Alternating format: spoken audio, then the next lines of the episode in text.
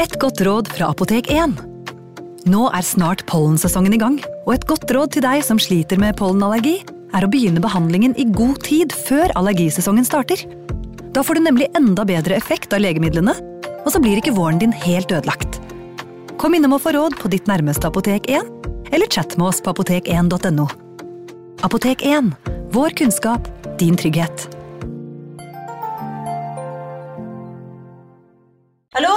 Jeg kommer fra Oslo politikammer. Ine Jansen er purk. Er du purk? The motherfucking bitch. Alt jeg vil, er å finne ut hva som skjedde med mannen min. Jon Carew. Er jeg sikta for noe? Iben Akeli. Det er du. Ole So, Lars Berrum og Big Daddy Karsten. Hvem sin side er du på, egentlig? Anette Hoff, Tone Danielsen, Kommer du fra Afrika? Jørnis Josef, Nesten. Kløfta. Trond Espen Seim, Det er synd å si det, men det var feil mann som døde. Purk.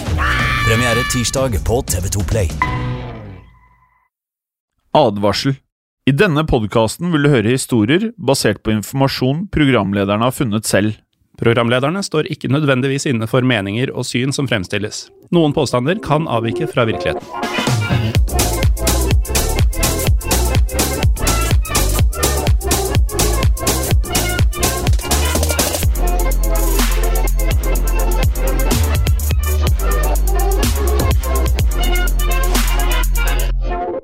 Hei og velkommen til denne ukens episode av Historiepodden. Mitt navn er Jim Fosheim, og jeg sitter her da sammen med Kanskje ikke sammen med, men vi ser hverandre. Morten Galaasen. Hei, vi ser hverandre takket være den, dette fantastiske internettet som har dukka opp de siste åra. Ja, den uh, har gjort det mulig tidligere å spille inn mye Historiepodden selv under pandemier. Og den kommer til å gjøre det mulig å spille inn historiepodden under pandemier igjen. Ja, og igjen. Så Morten, eh, det er jo litt sånn i disse dager, da, som vi nå har innledet med, med pandemi. Det blir jo ikke mye reising, akkurat. Nei, det gjør jo ikke det. Eh, Det blir fryktelig dårlig med reising. Men eh, vi kan jo alltids reise i historien, vi. Og Oi, oi, oi. Ja, så i dag så skal vi reise til et sted som ligger eh, ja, så langt unna sivilisasjonen som man nesten kommer. Ja, det er litt sånn eh, der ingen skulle tro at noen kunne bo, det vi skal gjennom i dag. Ja, og stedet er nemlig noe kanskje noen har hørt om der hjemme. Mange har sikkert ikke hørt om det, og det er Påskeøya. Ja, jeg hørte jo først om Påskeøya gjennom eh, Gameboy-spillet Super Mario Land. Oh ja. Hvor um, Easter Island, ja. Ja, det var den første Gameboyen, så alt var i svart-hvitt, eller sånne grønntone-varianter. Eh, og så var det. Mario i sånn der verden hvor bakgrunnen var pyramider et sted. Da var du tydeligvis i Egypt, og så var det disse, disse statuene som vi skal snakke litt mer om. Da var du tydeligvis på Påskeøya. Hvor, ja. har du noe bakgrunnshistorikk med, med Påskeøya og det som det er kjent for? Ja, jeg har jo da mm, ikke bare én gang, men to, tre, fire ganger lest Donald Pockets. Hvor eh, Donald og gjengen er selvfølgelig på Påskeøya. Eh, Onkel Skrue er gira på å ta med disse statuene hvis jeg ikke husker helt feil, tilbake til Andeby, for å da gjøre det til eh, pengenbringende turistattraksjoner. Det er liksom noe folk ikke snakker nok om, er hvor mye globetrottere Donald og Skrue Ja. og disse nevøene og sånn er. Og de reiser mye i historien. De er jo faktisk eh, historikere, omtrent. Ja, De er alltid til stede der det skjer. Ja, Arkeologer. Ikke sant? Men, eh, men Påskeøya eh, den kalles noe helt annet av de innfødte. De kaller den for Rapa Nui. ja. Og det er vel et av verdens mest, eh, ja om ikke øde, så i hvert fall um, isolerte steder. Det stemmer, for øya ligger omtrent 3500 km fra nærmeste fastland, som da er Chile. Det ante jeg ikke før vi begynte med denne episoden her. Og mm, For å da sammenligne, så er det like langt som det er fra Oslo til Kairo. Jeg, jeg visste jo at det tilhørte Chile, eller var eh, holdt på å si nærheten av Chile, men at det var nesten tur-retur eh, Oslo-Kirkenes, det, det var jeg ikke klar over. altså. Okay. Eh, Men i, i dag så er jo Påskeøya mm, mest kjent for disse enorme steinhodene, som av de lokale kalles moai. Mm. Og øya har nesten 1000 av disse statuene, altså disse moaiene, og de ble bygget av de innfødte på Rapa Nui for uh, omtrent 500 år siden. Ja. Oppdagere og eventyrere fra hele verden har jo da forundret seg da over disse konstruksjonene i flere århundre, og lurt på hvorfor da øyboerne brukte så mye tid og energi på disse moja mojane. Ja.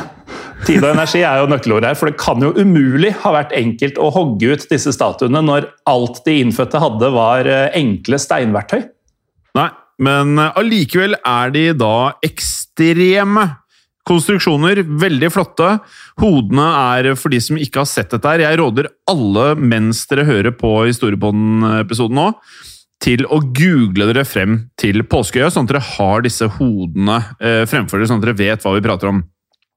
Hodene er avlange og har symmetriske neser og tynne, tynne, tynne lepper. Og alle statuene har da et, vil jeg si, et mystisk eh, ansiktsuttrykk. Ja, og Mystisk er jo et slags stikkord her. fordi uh, Hvorfor de ble bygget og hvordan de ble transportert rundt på øya, det vet man ikke med 100 sikkerhet. Um, på det aller meste så ble statuene flytta 18 km, altså nesten to mil, fra steinbruddet der de ble hogget ut, til der de skulle stå. Og dette er jo ikke Det er jo veldig imponerende. På, som, det minner meg jo litt om eh, alt det man liksom eh, har av teorier rundt pyramidene i Egypt, f.eks. Det er så mm. mye, og templene i Hellas. Det er, så, det er mye likhetstrekk, da. Eh, og spesielt imponerende når du prater om alle disse distansene med frakt, da, så skal man jo nå huske på det. Disse her veier rundt 14 tonn hver av disse hodene! Det er, det er, det er ekstremt! Det er ekstremt, og på denne øya så var det liksom ikke mm, store dyr og hjul som de kunne få hjelp til med å trekke dem rundt. Nei, eh, og da kan vi ikke gjøre annet enn å anta at statuene var av eh, høyeste viktighetsgrad da, for at man i det hele tatt drev med de greiene her. Ja, det må det jo ha vært, med tanke på innsatsen som lå i dette. Ja, og mange av lytterne våre lurer nå kanskje på hvorfor Påskeøya blir kalt for Påskeøya. Altså, hva har Påskeøya med påsken å gjøre? Jeg har lurt på dette her mange en gang, spesielt når jeg leste Donald som en liten unge. Jo, det skal jeg fortelle deg, Jim. På 1700-tallet så seilte den nederlandske oppdageren Jacob Roggefeen. Roggefeen!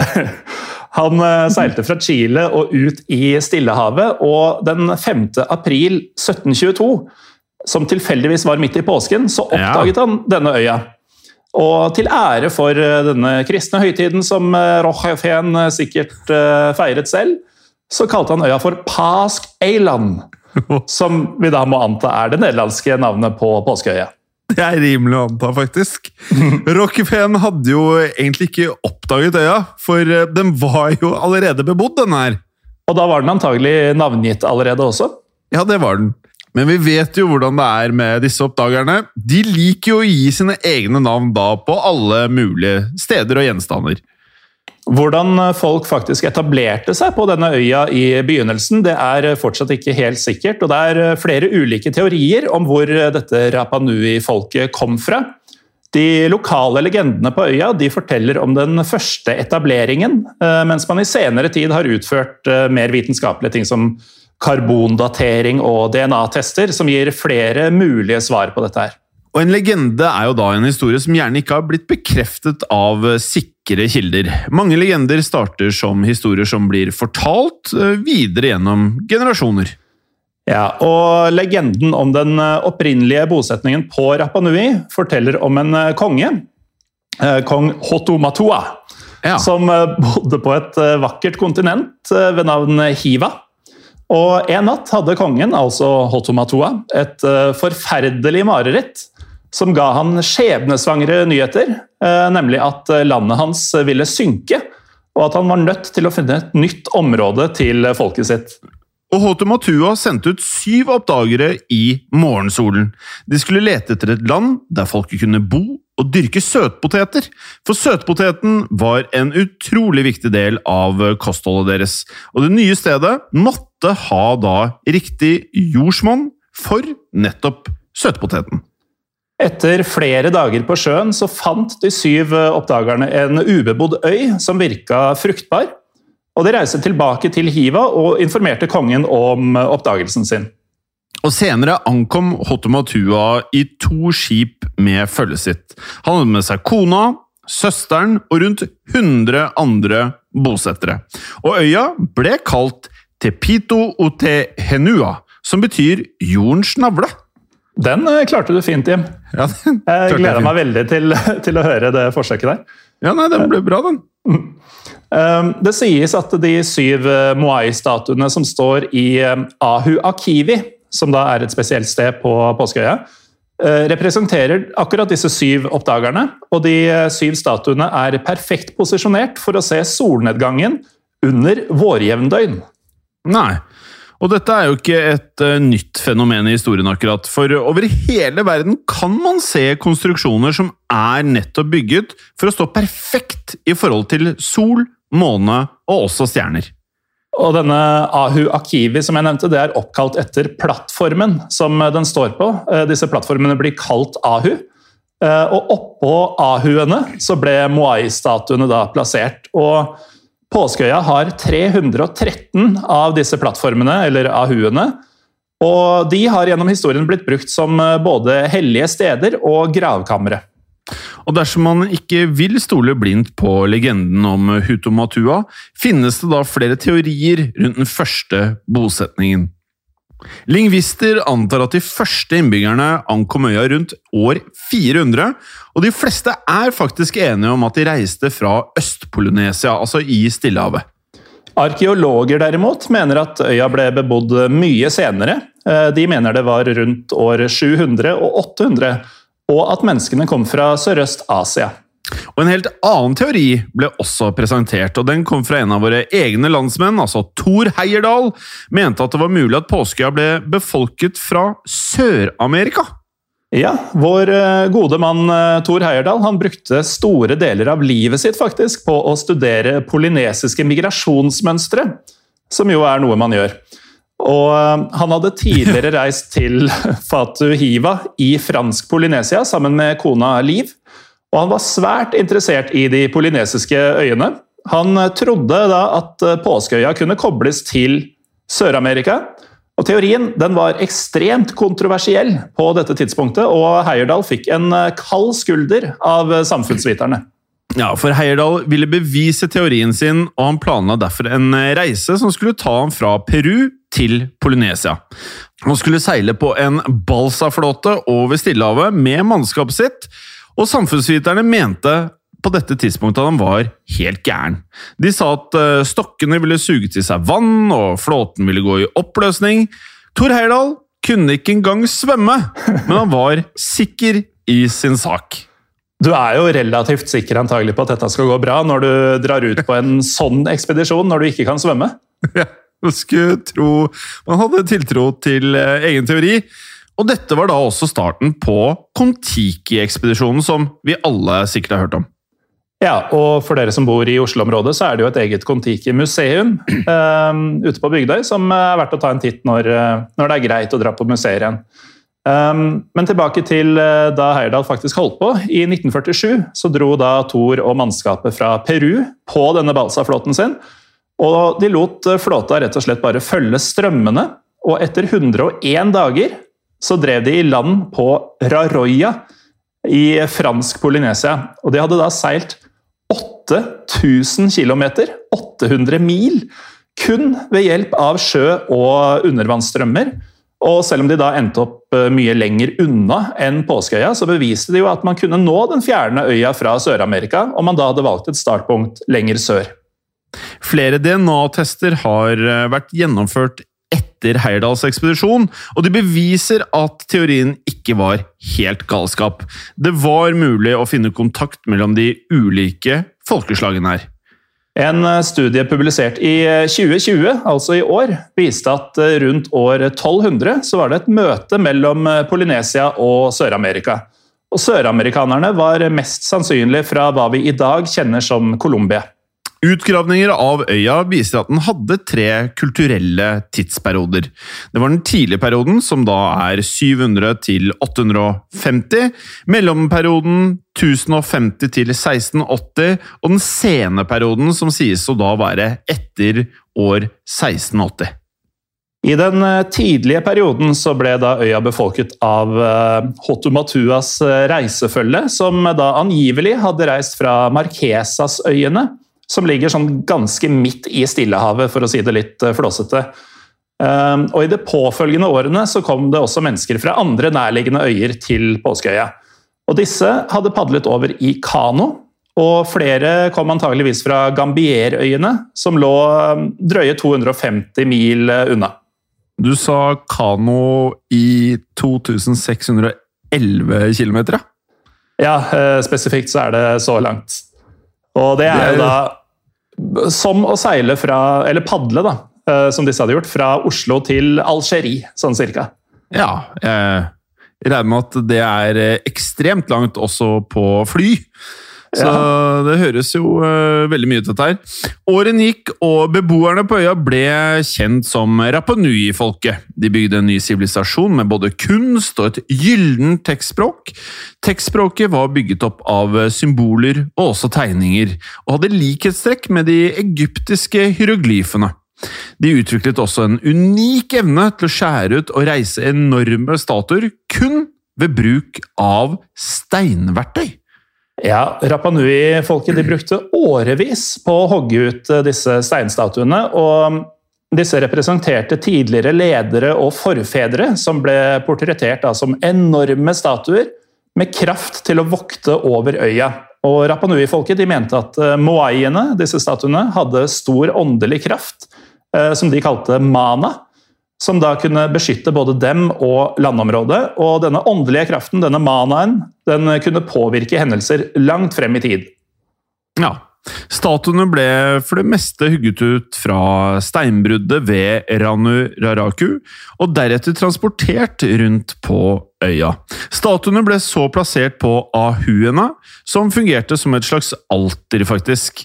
Eh, etter at statuene var plassert, ble en eh, kuttet ut av en rødlig lavastein og plassert på toppen. Ja, og så er det litt usikkert om dette faktisk var hatter, fordi noen historikere mener at den rødlige steinen også kan representere hår. Ja. Ehm, vi kan jo eh, legge ut eh, bilder forhåpentligvis i Facebook-gruppa vår, Historie for alle. Eh, ja. Og så kan jo du som lytter være med på å bedømme selv om dette er hatt eller hår. Som sikkert ja. kunne vært en, et gameshow på 80-tallet. Og bare i og med at du nevnte Historie for alle, så har aktiviteten der eh, gått eh, voldsomt opp. Altså, det er mye delinger og mye interessant. Eh, så vi oppfordrer alle lytterne våre til å melde dere inn i Historie for alle på Facebook, og del over en lav sko! Det trenger ikke å være viktige historiske fakta. Det kan være morsomheter, det kan være filmer, sanger Uansett hva det måtte være, bare det har et eller annet med historien å gjøre. Mm. Kjør på! Eh, tilbake til historien. Og til slutt så satt de på øynene. Og disse var laget av faktisk eh, koraller. Altså hvite koraller. Og da hatten eller håret og øynene var på plass, først da fikk statuen denne magiske manaen, som eh, da gjorde at den kunne begynne å utøve sin gode kraft. Og Statuene ble retta mot stedet de beskytta. Og Det er da grunnen til at eh, mange av statuene er plassert langs kysten på Påskeøya, og at de da står um, i utkanten av landområdet og vender blikket inn i stedet for utover, som man kanskje ville tenkt var mer naturlig. Ja, og øyboerne ble godt kjent med øya, og jordbruket skulle gå riktig så bra. For den vulkanske jord nemlig var eh, veldrenert og rik på næringsstoffer. Og de trengte da mer plass for jordbruket, og mye av vegetasjonen på øya ble kuttet ned, og også da brent. Og gjennom generasjoner ble så mange trær da hogget ned at vegetasjonen til slutt ble minimal. Og det var så vidt et tre å se igjen. Mellom den eh, tidlige perioden og mellomperioden så har bevis vist at eh, flere Moai-statuer ble ødelagt og bygget på nytt. Og dette er fordi Rapanui-folket rett og slett perfeksjonerte statuene og gjorde dem større og bedre enn de første. Og formene ble da mer distinkte og mer detaljerte. Fortellinger og legender om øyas eh, første beboere beskrev at øya ble bosatt hele to ganger. Den første gangen av et eh, folkeslag kjent som de langørede, som kom fra Østen. Den andre gruppen ble kalt for de kortørede, og de kom fra Vesten. Jeg må bare si til eh, dem som hører på nå, at nå gjelder det å holde øret rett i munnen. eh, Fordi dette er da først og fremst en legende, og uttrykket langørede og kortørede kommer til å gå igjen om hverandre. Men bare husk det at eh, de langørede hadde kommet først, og kom fra Østen. Um, og siden de kom først, så var de langørede dominante, eh, og de kortørede de hata dem. Ja. Så de, de kortørede da de kom redusert til, eh, til simple arbeidere, rett og slett. Mens de langørede liksom var tekniske genier som brukte tid på å forme Moai-statuene slik som vi kjenner dem gjennom ja, de bildene vi har sett, først og fremst. Eh, Og i to århundrer så var de kortørede underdanige og var tvunget til å reise store monumenter til ære for de langøredes forfedre. Og etter 200 år med gnisninger brøt befolkningen ut i en slags eh, borgerkrig, visstnok. Eh, De kortørede gjorde opprør etter at de hadde blitt eh, befalt å rydde hele Poikehalvøya, en stor vulkansk del av Påskeøya, for steiner. Opprøret tvang de langørede til å da trekke seg tilbake. Og De langørede ville som følge av dette hevne seg, og gravde da dype hull som de fylte med tørre pinner og gress. Og Planen var da å lure de kortørede oppi disse hullene og tenne på. En kvinne på eh, kortørets side eh, så hva de planla og varsla da folket sitt, altså de kortørede, som da omringet de langørede på nattestid. Og de langørede endte med å falle ned i sine egne hull Ja, som da de kortørede tente på, og de fleste langørede brant i hjel. Ja, og etter disse uenighetene da opphørte byggingen av statuer nesten umiddelbart. Eh, verktøy som da har blitt funnet i eh, det største steinbruddet, ser ut til å bli ja, forlatt der i all hu og hast. Ja, og Statuene de var eh, glemt. Eh, Rapanuiene fikk nå øynene opp for noe annet å tilbe. Rapanui-folket hadde nemlig lenge trodd at eh, fugler hadde et eh, mytisk forhold, en slags link til gudene. Og De mente da at eh, sjøfuglene spesielt knytta sammen jorda, sjøen og himmelen. Og I tillegg var matmangelen blitt så dramatisk på øya at innbyggerne hadde begynt å spise sjøfugler og eggene deres, fordi disse var en av få ressurser som faktisk var igjen fortsatt. Ja, og man kan faktisk se overgangen fra Moai-tilbedelse til fugletilbedelse på flere statuer. På baksiden av Moaiene finnes det både tegninger og også inskripsjoner om fuglene. På noen av statuene er det tegnet inn en figur som er et slags halvt menneske og også da en halvt fugl. Og akkurat denne skikkelsen eh, ble øyboerne rett og slett besatt av. De mente at denne halvt menneske, halvt fugl-skikkelsen var guddommelig. Og de forma da en, en kult rundt eh, denne ja, fuglemannen, som vi, som vi kan kalle den. Og denne besettelsen den inspirerte folket til å arrangere en konkurranse i fuglemannens ære. En konkurranse som eh, naturligvis ble kalt eh, Tangata Manu. Ja, og Tangata Manu var en eh, ja, det var jo ganske ja, en hardcore konkurranse, må vi nesten få lov til å si. Brutal. Eh, ja, brutal, ja. Det var en eh, stor ære å bli valgt, og en representant ble valgt av lederen fra hver av stammene. Og denne utvalgte måtte være mm, både fysisk sterk og ekstremt modig, fordi allerede i begynnelsen altså Konkurransen begynte med at den utvalgte, som da ble kalt en hoppuhano, eh, måtte klatre ned til havet, og klippene på veien ned de var omtrent vertikale. Så det var nærmest et mirakel om man i det hele tatt klarte å komme seg ned eh, altså helt i begynnelsen av dette løpet uten store skader. Og de som klarte seg, skulle så svømme til Motunui, altså en liten øy utenfor kysten. Det var omtrent ja, en kilometer ut i øya, og deltakerne fikk lov til å svømme bort ved hjelp av en liten flåte laget av strå, eh, som kan kanskje minne om eh, nåtidens eh, surfebrett mer enn en flåte, kanskje. Og denne svømmeturen var risikabel, den også, for sjøen var jo full av sterke strømmer, og ofte også full av sultne haier. Ja, og de hadde kanskje ikke fått med seg hele den uh, surfebrettlignende selsaken som man vet i dag, da, at haiene mener at mennesker på brett uh, kan se ut som seler. Nei, den eh, kunnskapen hadde ikke nådd dem eh, helt ennå. Så haiene de angrep innimellom, og ble man bitt under disse forholdene, så drukna man antagelig også av skadene. Konkurransen ble som regel avholdt i starten av september. Eh, altså, vi spiller jo inn her i november, så det er ikke så lenge siden.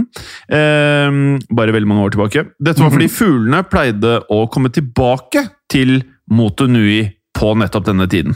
Ja, for eh, selvfølgelig var fuglene en sentral del av denne fuglemann-konkurransen. Selvfølgelig var det det. På Mutunui skulle da deltakerne finne det første egget som ble lagt av fuglene akkurat den sesongen. Det var uvisst av når fuglene ville komme tilbake, og noen år måtte deltakerne vente i flere dager og til og med flere uker før fuglene kom. Og det var jo da heller ikke uvanlig at deltakerne rett og slett døde mens de venta på fuglene, for eh, som sagt, de hadde klatra ned noen vertikale klipper og så svømt eh, gjennom stormende vann fullt av haier, så det var jo utmattende nok, og de fikk jo ikke akkurat hjelp av konkurrentene sine til å komme seg på beina. Dersom en Hopu Manu var heldig nok til å finne det første egget, ble det tatt med til en stein kalt Pukirangi Manu på enden av øya. Der kunne vinneren annonsere sin triumf med å rope navnet til stammelederen sin, faktisk. Men eh, det var ikke helt over bare du kom deg dit, fordi eh, vinneren måtte da binde egget til eh, panna si og svømme tilbake til de klippene som han en gang hadde klatra ned. Og egget det måtte ikke ødelegges, noe som var nærmest umulig med tanke på de store bølgene som slo inn mot klippene. Og om vinneren kom seg til stranden med egget i behold, måtte han klatre opp igjen. Og de aller, aller fleste ble faktisk da spiddet av klippene på denne klatreturen. Og det var ikke sjelden at konkurransen ikke fikk noen vinner, faktisk. Da vi sa at dette var en hardcore konkurranse, så det var ikke noen overdrivelse. Altså. Nei, dette er eh, dette, det, dette hadde jo vi aldri Vi hadde ikke kommet ned første klippen engang. Jeg hadde kommet ned. Eh, Ja, vi- Ikke i live, men Ja, vi hadde kommet ned, det er riktig. Ja, ja, ja. Men hvis man da mot alle odds eh, overlevde alt dette her, så ble egget gitt til eh, stammelederen, og vinneren ble kåret som årets Tangata Manu. Og vinneren var da nødt til å barbere hodet og la neglene vokse ut, sånn at man kunne se ut som en ordentlig fuglemann. Og denne tittelen, altså Årets Tangata Manu, den lot lederen for stammen regjere øya i ett år, fram til da neste konkurranse, og i tillegg kom tittelen med masse mana, altså denne gode, guddommelige krafta, som alltid kom godt med. Ja, opplegget var eh, ja, må kunne si gøy så lenge det varte. Moroa tok jo da slutt da europeerne kom til øya, og ble symbolet på en lang tid med utfordringer for Rapa Nui-folket. Ja, For nesten alt som er allment kjent om Rapanui og kulturen, kommer jo fra historier fra reisende som besøkte denne øya. Og den første europeeren som eh, satte sin fot på påskeøya, var som tidligere nevnt Jakob Rogersveen. Altså nederlenderen Rogersveen, som eh, da navnga øya også. Og Rockefeen han var på jakt etter Terra Australis. For Jacob Rockefeens far han var filosof og hadde undersøkt Terra Australis i årevis. Og Jacobs far fikk til og med patent for å reise ut på ekspedisjonen, men døde før han da fikk muligheten. Jakob selv tok oppdraget og reiste med tre skip over 200 menn på jakt etter dette landområdet. Og Terra Australis var da et eh, legendarisk kontinent på den sørlige halvkule, som man eh, trodde på denne tiden balanserte landet på den nordlige halvkule. Det var eh, Aristoteles faktisk som introduserte ideen om Terra Australis i sin tid. Eh, Han mente at jorda var nødt til å være i en form for balanse, og at den nordiske delen av, eller nordlige delen av kloden måtte ha en sørlig motpart. Og det var aldri fremvist noen beviser for at Terra Australis faktisk eksisterte, så det var kanskje ikke så rart at Jacob Rockefen aldri fant det sagnomsuste kontinentet. For det fantes jo faktisk ikke. Men han eh, fant da påskeøya i påsken 1722. Og Roggefeen han ble bare på påskeøya én dag, faktisk, før han dro videre til eh, Tahiti. Fortsatt da på leting etter dette ikke-eksisterende kontinentet Terra Australis. Og i 1744 fikk Påskeøya et, eh, må jo si, et celebert besøk. Den britiske oppdageren James Cook var på leting etter vann og mat, og gikk i land på øya sammen med mannskapet sitt. Ikke overraskende at det var han, kanskje, i og med at Cook var overalt eh, på 1700-tallet. På akkurat denne turen så hadde James Cook eh, i og for seg funnet en øde øy, og fortalte at det så ut som at befolkninga hadde vært i krig med hverandre. Eh, engelskmennene fant etter hvert rundt 700 innbyggere, der kun 30 av dem var kvinner. Og Innbyggerne var i dårlig form, og det var tydelig at levestandarden hadde sunket betraktelig. Og Mange av ahuene, altså disse plattformene som statuene sto på, de var ødelagte, og flere av statuene hadde falt. Og Til tross for at eh, ahuene da var ødelagt, så syntes eh, James Cook at de var flotte, og beskrev det fantastiske håndverket som lå bak i sine reiselogger. De fallende statene var som eh, et tegn på at noe var galt på Rapa Nui. Statuene hadde blitt dyttet ned av øyboerne selv, faktisk. Øya hadde de siste årene lidd av store matmangler som gjorde at innbyggerne kranglet med hverandre. Og statuene mener man kanskje da ble dyttet ned av eh, to forskjellige grunner. Ja, De kan ha blitt dyttet ned for å frata fiender god mana og beskyttelsen som disse Moai-statuene ga. Eller så ble statuene dytta ned fordi øyboerne rett og slett slutta å tro på statuenes kraft. For de hadde jo de hadde brukt blod, de hadde brukt svette og tårer på å bygge statuene, men gudene belønnet dem da ikke med ressursene som de desperat trengte.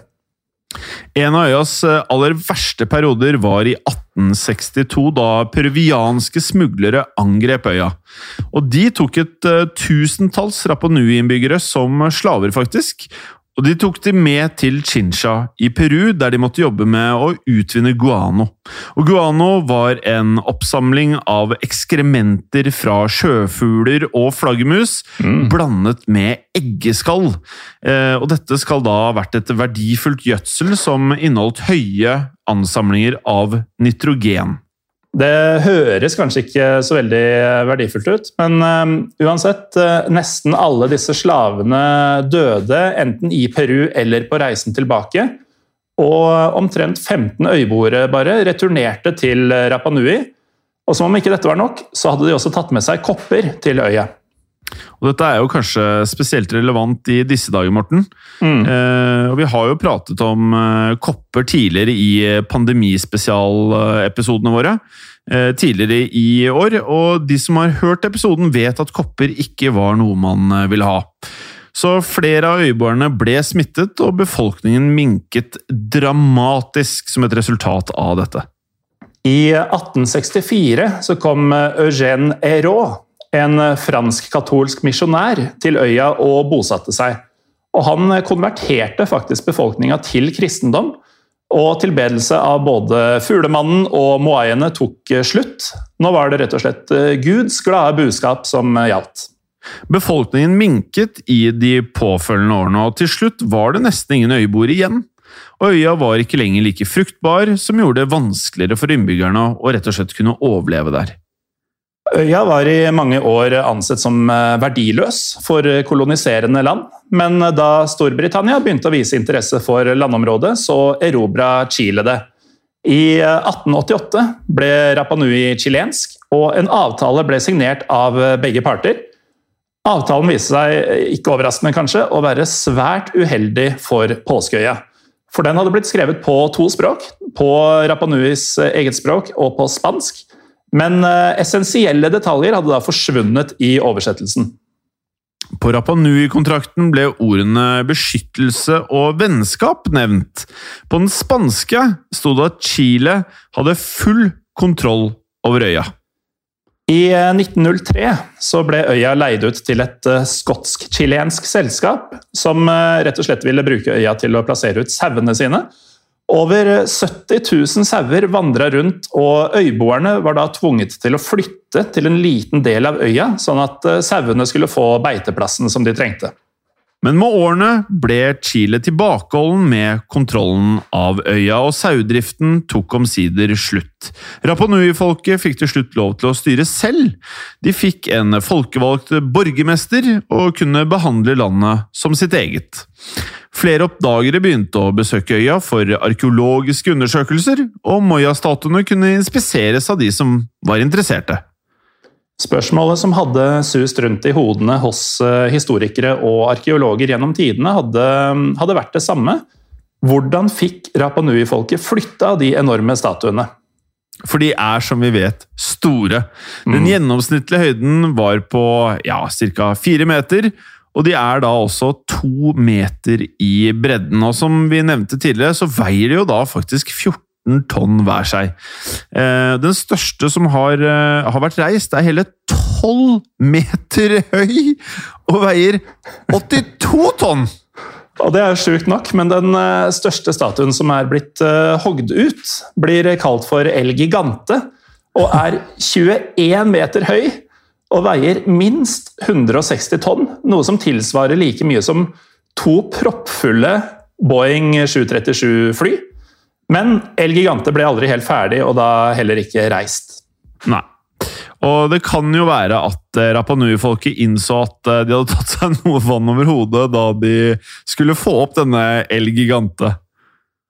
Eh, disse statuene har for det meste det samme ansiktsuttrykket, og igjen, og for dere som har googlet dere frem til statuen allerede, så er det et slags sånt, ja De ser litt sånn stolte, men gåtefulle ut i uttrykkene sine, føler jeg. Jeg er i hvert fall enig med deg i, i det, Jim. Um, og Nå skal vi da gjennom noen teorier om hvordan disse ble flytta, og da starter vi igjen med en lokal legende. Uh, ifølge disse lokale legendene så ble det sagt at uh, guddommelig kraft ble brukt til å få statuene til å gå av seg selv. Uh, den første historien om gående statuer ble fortalt av en konge ved navn Tuku-Ihu, som kommanderte statuene ved hjelp av guden Makimaki. For Rapa Nui-folket trodde jo på flere ting. En annen historie forteller om eh, trollmenn som brukte forskjellige magiske sanger for å få statuene til å bevege seg. Hver gang de sang, ville statuene flytte på seg. Og hvis de sluttet å synge, ja, da ville statuene stoppe. Høres litt ut som danseleken, dette her. Ja, som en retro og magisk danselek, eh, kanskje. Gjennom årene har ulike forskere og historikere prøvd ulike metoder for å flytte disse statuene, kun ved hjelp av redskaper og utstyr som de ville hatt på tiden da de faktisk ble bygget. Og her kommer Thor Heyerdahl inn i bildet igjen. Han besøkte Påskeøya flere ganger, og i 1955 så ledet Heyerdahl en ekspedisjon til øya med fem arkeologer på slep. Før dette så hadde man trodd at Moai-statuene kun besto av disse hodene, men dette motbeviste faktisk Heyerdahl og arkeologene. For de gravde ut flere av statuene ved steinbruddet, som hadde sunket i jorda, og oppdaga da noe svært overraskende, nemlig at hodene hadde gigantiske overkropper. Ja, Heyerdahl hadde en eh, teori om at eh, Moya-statuene kunne ha blitt flyttet ved hjelp av en eh, stor trestamme. Han mente at trestammene hadde blitt uthult og dermed brukt som en slags slede. Og Heyerdahl var heller ikke redd for en utfordring, og ville selvfølgelig teste ut denne teorien sin. Ja, så Det han gjorde, var å peke ut en statue han ville flytte, og akkurat denne veide rundt ti tonn. Statuen ble da lagt på trestamma og bundet godt fast med tau, og flere mennesker måtte samarbeide for å dra den enorme statuen. Teorien var en mulighet, men ikke svært sannsynlig. Det var vanskelig å balansere statuen, og, det å dra statuen rundt i terrenget måtte ha vært ekstremt utfordrende og krevd ja, en høy grad av optimisme. Ja. Um, Heyerdahl han var på Påskeøya i et helt år før han returnerte til Norge. Han syns kulturen og øyboerne var svært fascinerende. Vi har jo allerede sagt at han var fryktelig opptatt av Polynesia og diverse greier i Stillehavet, og opplevelsen her hadde overgått alle hans vitenskapelige forventninger. Han skrev en bestselgende bok også om ekspedisjonen i 1957, som han kalte Aku Aku påskeøyas hemmelighet. Mens vi her i Oslo i 2020 kanskje er mer opptatt av, av barn med samme navn. Som ligger vel på Løkka i Oslo, eller? Stemmer. Ja. Heyerdahl returnerte til Påskeøy i 1986, og på denne ekspedisjonen testet de ut den lokale legenden om at statuen hadde gått til sine respektive steder på øya. Og her fikk eh, Thor Heyerdahl hjelp av den tsjekkiske ingeniøren eh, Pavel Pavel. Eh, og her har jeg trippelsjekka at det er riktig navn, men eh, han het faktisk både Pavel til fornavn og etternavn. Um, I forsøket på å da flytte en stående Moai-statue ved hjelp av tau. Ett tau var da festa til statuens hode, og et annet var festa på bunnen. Og Deretter så dro åtte personer i hver sin ende på tur, slik at statuen beveget seg framover litt sånn fra side til side. Som da Du kan på en måte si at statuen da gikk. På en måte. Ja. Eh, oppdagelsen var eh, svært imponerende og åpnet opp for muligheten for at legenden kunne ha vært sann på en ikke-magisk måte. da. Og Etter dette så ville flere arkeologer prøve sine teorier, og i 1985 så prøvde Charles Love å flytte statuene ved hjelp av et gammeldags rullebånd. Han plasserte en statue på en plattform og la trestokker under og dro i moaien med tau. Noe som absolutt fungerte, men som var en ekstremt utfordrende metode i et ulendt terreng. Og Her har jeg faktisk en parallell, Jim. Eh, Ja. Om da gutta mine, altså osmanerne, tok Istanbul eller Konstantinopel fra gutta dine, bysantinerne, i 1453. Eh, For de hadde jo prøvd å komme rundt disse bymurene uten hell over lengre tid. Og det de gjorde etter hvert, var å skjære ned masse skog på andre siden av byen, for så å trekke skipene sine med eh, trestokker over land, sånn at de kunne plutselig komme som et slags bakholdsangrep. En vannvei som det egentlig ikke var mulig å komme til. Hmm. Men nok om det. Jøss. Ja. Men en interessant liten godbit, det der, Morten. Eh, det nyeste forsøket ble gjort i 2011, faktisk, av Terry Hunt og Carl Lipo. De festet tre tau på Moya-statens hode og delte seg inn i tre grupper. To grupper holdt tau på hver sin side, og én gruppe holdt tauet bak for å da stabilisere statuen. Utprøvingen var en braksuksess, eh, som betød også at man ikke nødvendigvis trengte mange mennesker for å flytte en slik statue. Men eh, til tross for alle disse teoriene og utprøvningene, så er det jo faktisk ingen som vet hvilken metode statuene faktisk ble flytta på. Så for alt vi vet, så kan de jo ha blitt løfta av denne guden Maki-Maki på magisk vis. For alt vi vet. Og hvorfor Rapa Nui-folket syntes statuene var så viktige, det vet jo ikke 100% men det finnes eh, som sagt da lignende fenomener rundt om i verden, der man sitter igjen med samme spørsmål som f.eks. The Stonehenge. Ja, og i dag så er Påskeøya et uh, lite samfunn med en uh, mystisk kulturhistorie. Og folk reiser jo da fortsatt, ja kanskje ikke akkurat i dag, men uh, i våre tider. Pre- og post-corona. Ja, ikke sant? fra hele verden for å se disse gåtefulle moaiene. I 2019 besøkte kongefamilien Påskeøya, og da hadde de med seg Heyerdahl jr. Faren Thor hadde på sine ekspedisjoner tatt med seg flere tusen gjenstander til Norge for undersøkelse. Ja, Det her er ganske fint, fordi Heyerdahl hadde jo lovet å ta med seg disse gjenstandene tilbake til Påskeøya etter at de var undersøkt i Norge. Og eh, i, i fjor, da, eh, 63 år senere, så ble det da endelig levert tilbake. Er det lov å kalle det en liten nugget? Det er det, altså. Det er en god nugget. Påskeøya er og forblir mystisk, og hvilken motivasjon som lå bak byggingen av de enorme Moya-statuene, vil vi nok aldri få 100% svar på, men det tror jeg også gjelder for veldig mye annet av de ja, mest fascinerende historiske tingene som har blitt reist opp gjennom historien. Ja, Det vi vet helt sikkert, er at dette er forunderlige greier. Og flere forunderlige greier kan jo du som hører på få ved å like Historiepodden Norge på Facebook, eller følge eh, Historiepodden Norge på Instagram. Um, og med det sagt, Jim Så må vi jo kunne si at uh, det var det vi hadde. Det er ikke, eh, sånn Ideelt sett så burde vi jo spilt inn dette her ved påsketider. ja, det, Sett i etterkant. det er ikke første gang vi har bomma litt på timing. Men, Som da og, vi, og det kommer til å skje igjen. Og det, for det har jo skjedd. og som den ene gangen da vi skulle legge ut to episoder om samme tema, så havna den ene på iTunes og den andre på Podme. Det likte ikke folk, altså. Det, det var litt sånn Da trodde jeg at vi hadde vært sånn veldig utspekulerte, mens det Ja. eneste vi hadde gjort, var å sitte og lage hadde egentlig bare, egentlig bare vært dumme. Ja, vært litt dumme. Og med det, Morten, så må vi jo huske at det har jo skjedd. Og det kan skje igjen. Ja, det er det det kan. Ja. Ha det. Ha det. I produksjonen av Historiepodden så ønsker vi å takke Håkon Bråten for lyd og musikk. Takk til Felix Hernes for produksjon. Takk til Ellen Froktenestad for tekst og manus. Og takk til deg, Morten Galesen, for programlederrolle. Og takk til deg, Jim Fosheim, for programlederrolle.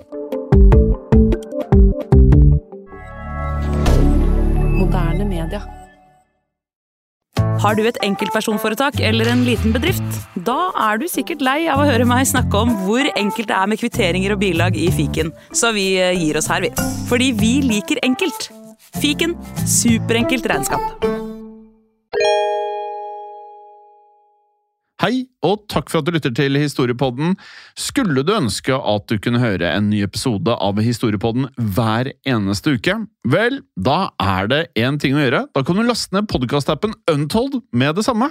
For i tillegg til ukentlige episoder av podkaster som Historiepodden andre verdenskrig, Henrettelsespodden og også Gangsterpodden, så får du masse annet reklamefritt og også eksklusivt innhold.